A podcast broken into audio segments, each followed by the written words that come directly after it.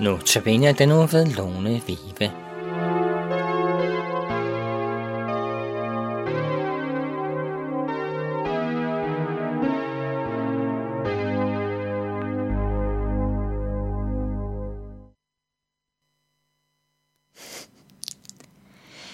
I går hørte vi, at vi kan have svært ved at lade være med at bekymre os, fordi vi har svært ved at stole på Gud.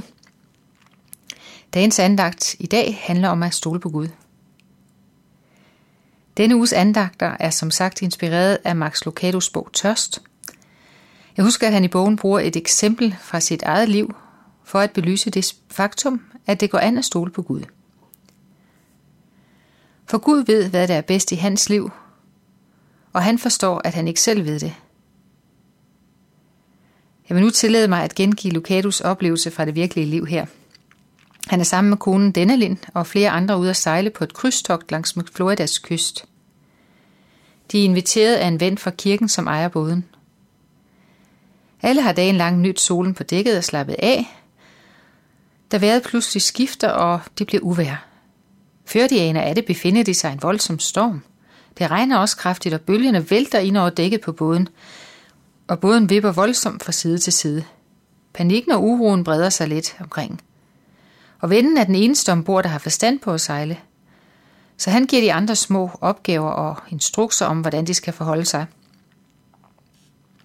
Det er en god hjælp for dem, at de har en kaptajn, som de kan stole på alle sammen. Det gør dem trygge, at han ved besked. De ved nemlig dårligt nok, hvad der er bagbord og styrbord på sådan et skib – han ved besked om, hvad der er bedst lige nu, tænker de. Og vi aner det ikke. Hvordan har du det med dit livsstorme? storme? Hvis du bliver arbejdsløs, dumper til en vigtig eksamen, bliver svigtet af din kæreste, eller holdt uden for fællesskabet i familien eller på din arbejdsplads, måske fordi du er en kristen, er Gud da den, du kan stole på – kan du sige om Gud, som Lucado sagde om sin ven kaptajnen? Jeg ved, at han ved, hvad der er bedst, og jeg ved også, at jeg ikke ved det.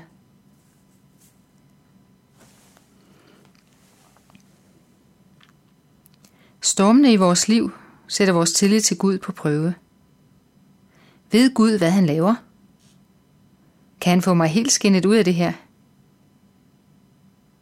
Hvorfor tillod han, at det uvær kom ind over mig? Nogle gange synes det bare at blive værre, selvom du beder, jeg nærmest tryller Gud om hjælp. Og hans instrukser frustrerer dig. Han beder dig måske om at holde ud i lidelsen. At tage kritikken til dig. Eller tilgive en fjende. En, der virkelig har gjort dig ondt. I den situation kan vi alle let komme til at tvivle på, at Gud er til at stole på, når det kommer til stykket. Han påstår godt nok i sit ord, at han er det – men hvad er så det her, jeg oplever nu? Når du møder modgang, vil jeg spørge dig, stoler du så stadigvæk på, at Gud har omsorg for dig? Du kan måske efter udsendelsen her tænke lidt over tidspunkter i dit liv, hvor du var totalt magtesløs. Mindes du nu set i bagspejlet, at du havde grund til at stole på Guds nærhed og omsorg for dig dengang? Hvis du, kan, hvis du kan svare ja, så ved du, at Gud har herredømmet, både i dit liv,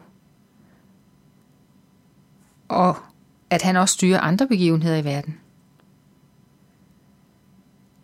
Du har oplevet, at Gud styrer. Han dirigerer faktisk trafikken i hele universet, kan jeg betro dig. De millioner af stjerner i galakserne, dem kontrollerer Gud.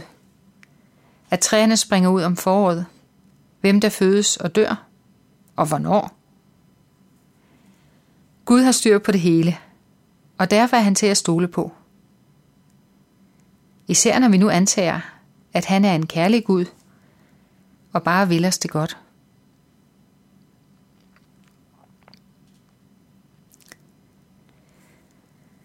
Og nu citerer jeg nogle bibelvers for dig, som jeg synes kan være rare at huske på, øh, fordi de fortæller om, at Gud har styr på det hele.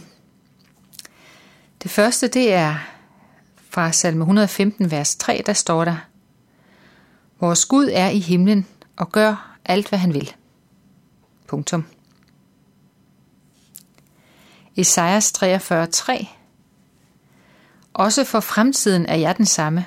Ingen river noget ud af min hånd. Hvem gør det ugjort, når jeg handler? Spørg Gud. Det sidste, det er Esajas kapitel 46, vers 10. Der står, Fra begyndelsen har jeg forkyndt fremtiden, i fortiden det, der endnu ikke var sket. Nu siger jeg, min beslutning står fast. Alt det, jeg vil, gør jeg. De vers viser, hvem der bestemmer alt i mindste detalje. Du kan stole på, at Gud regerer verden. Det ser vi også, da Jesus er taget til fange af de skriftkloge og farisæerne, og apostlen Peter siger, ham fik I udleveret efter Guds fastlagte bestemmelse og forudviden. De har altså ikke noget at prale af de skriftkloge fejserne. Det skal de ikke tro. Nej, tværtimod. Kun fordi Gud ville det sådan, tillod han, at de fangede Jesus. De fik ham udleveret efter Guds fastlagte bestemmelse og forudviden. Jesus siger også til Pilatus under forhøret, som afgør, om Jesus skal gå fri eller hænges op på korset. Du havde ikke nogen som helst magt over mig, hvis ikke det var givet dig ovenfra, siger han til Pilatus. Eller som vi hører, Jesus kunne have bedt seks legioner engle, det er lige med 72.000 mægtige engle om hjælp, og han var blevet fri for at dø på korset. I stedet bad han om, at han måtte blive fri for denne lidelse, hvis det var muligt. Og hvad skete det? Gud ændrede ikke sin plan, så han lod Jesus få det, han ønskede, nemlig at han måtte slippe for den ufattelige store lidelse, som han nu stod overfor. Men Gud hørte hans bøn om hjælp og sendte en engel fra himlen til at styrke ham. Det kan du læse om i Lukas kapitel 22, vers 42-43. At Gud sendte en engel fra himlen til at styrke Jesus, da han skulle klynges op på korset og lide der. Men han måtte ikke slippe. Guds frelsesplan vejede tungere end hans søns lidelser – dog sendte han en engel mægtig i styrke til at styrke ham, så han kunne udholde det, han skulle gå igennem for vores skyld.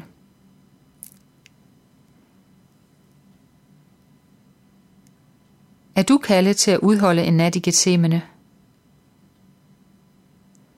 Har du for Kristi skyld fået skænket den noget, ikke bare at tro på ham, men også at lide for hans skyld? Tør du, vil du, lade Kristus have herredømmet i dit liv, koste hvad det vil.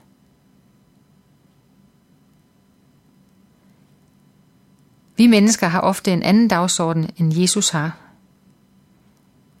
Vi beder ham give os om, at han vil give os et liv uden lidelser. Vi beder om et godt helbred, en god uddannelse og et spændende job, at vi må klare os godt økonomisk og få mange gode venner – men det er ikke Guds dagsorden. Vi er vores egen første prioritet. Guds første prioritet er derimod Gud. Hvorfor eksisterer himlen? Det gør den for at prale med Gud.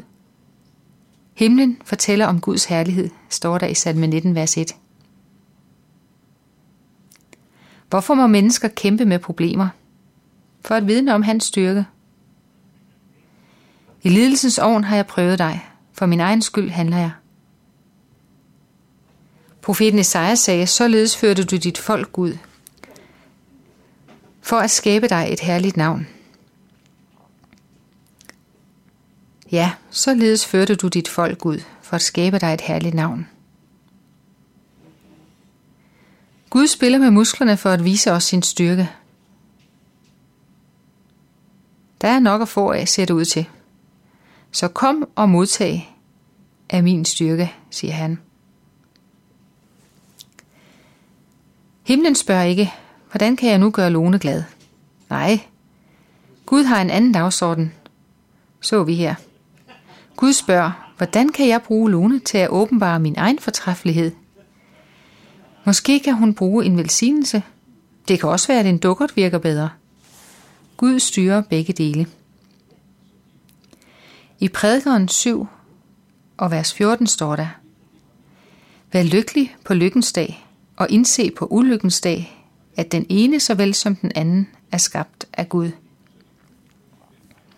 Mærkeligt ikke, men det er faktisk sandt, at Gud både skaber lykkens dag og ulykkens dag. I Esajas kapitel 45, vers 7 står der, Jeg danner lys og skaber mørke. Jeg, jeg frembringer fred og skaber ulykke. Jeg, Herren, frembringer alt dette. Ja, men kan en god Gud skabe ulykke og mørke som et menneske, som må leve med? Ja, det kan han til sydenladende. Og han gør det også en gang imellem. Men han gør det ikke for at gøre mennesker ondt. Han gør det, fordi han har et formål med det. Og vi mennesker lever jo faktisk for at tjene Guds formål og ære ham.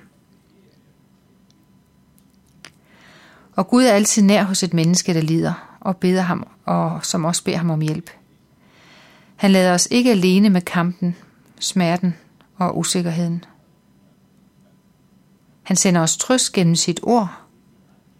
Vi oplever hans nærhed. Vi får hjælp fra dygtige læger eller fra en ven. Vi får penge af velmenende mennesker. Optagelse på drømmestudiet senere osv.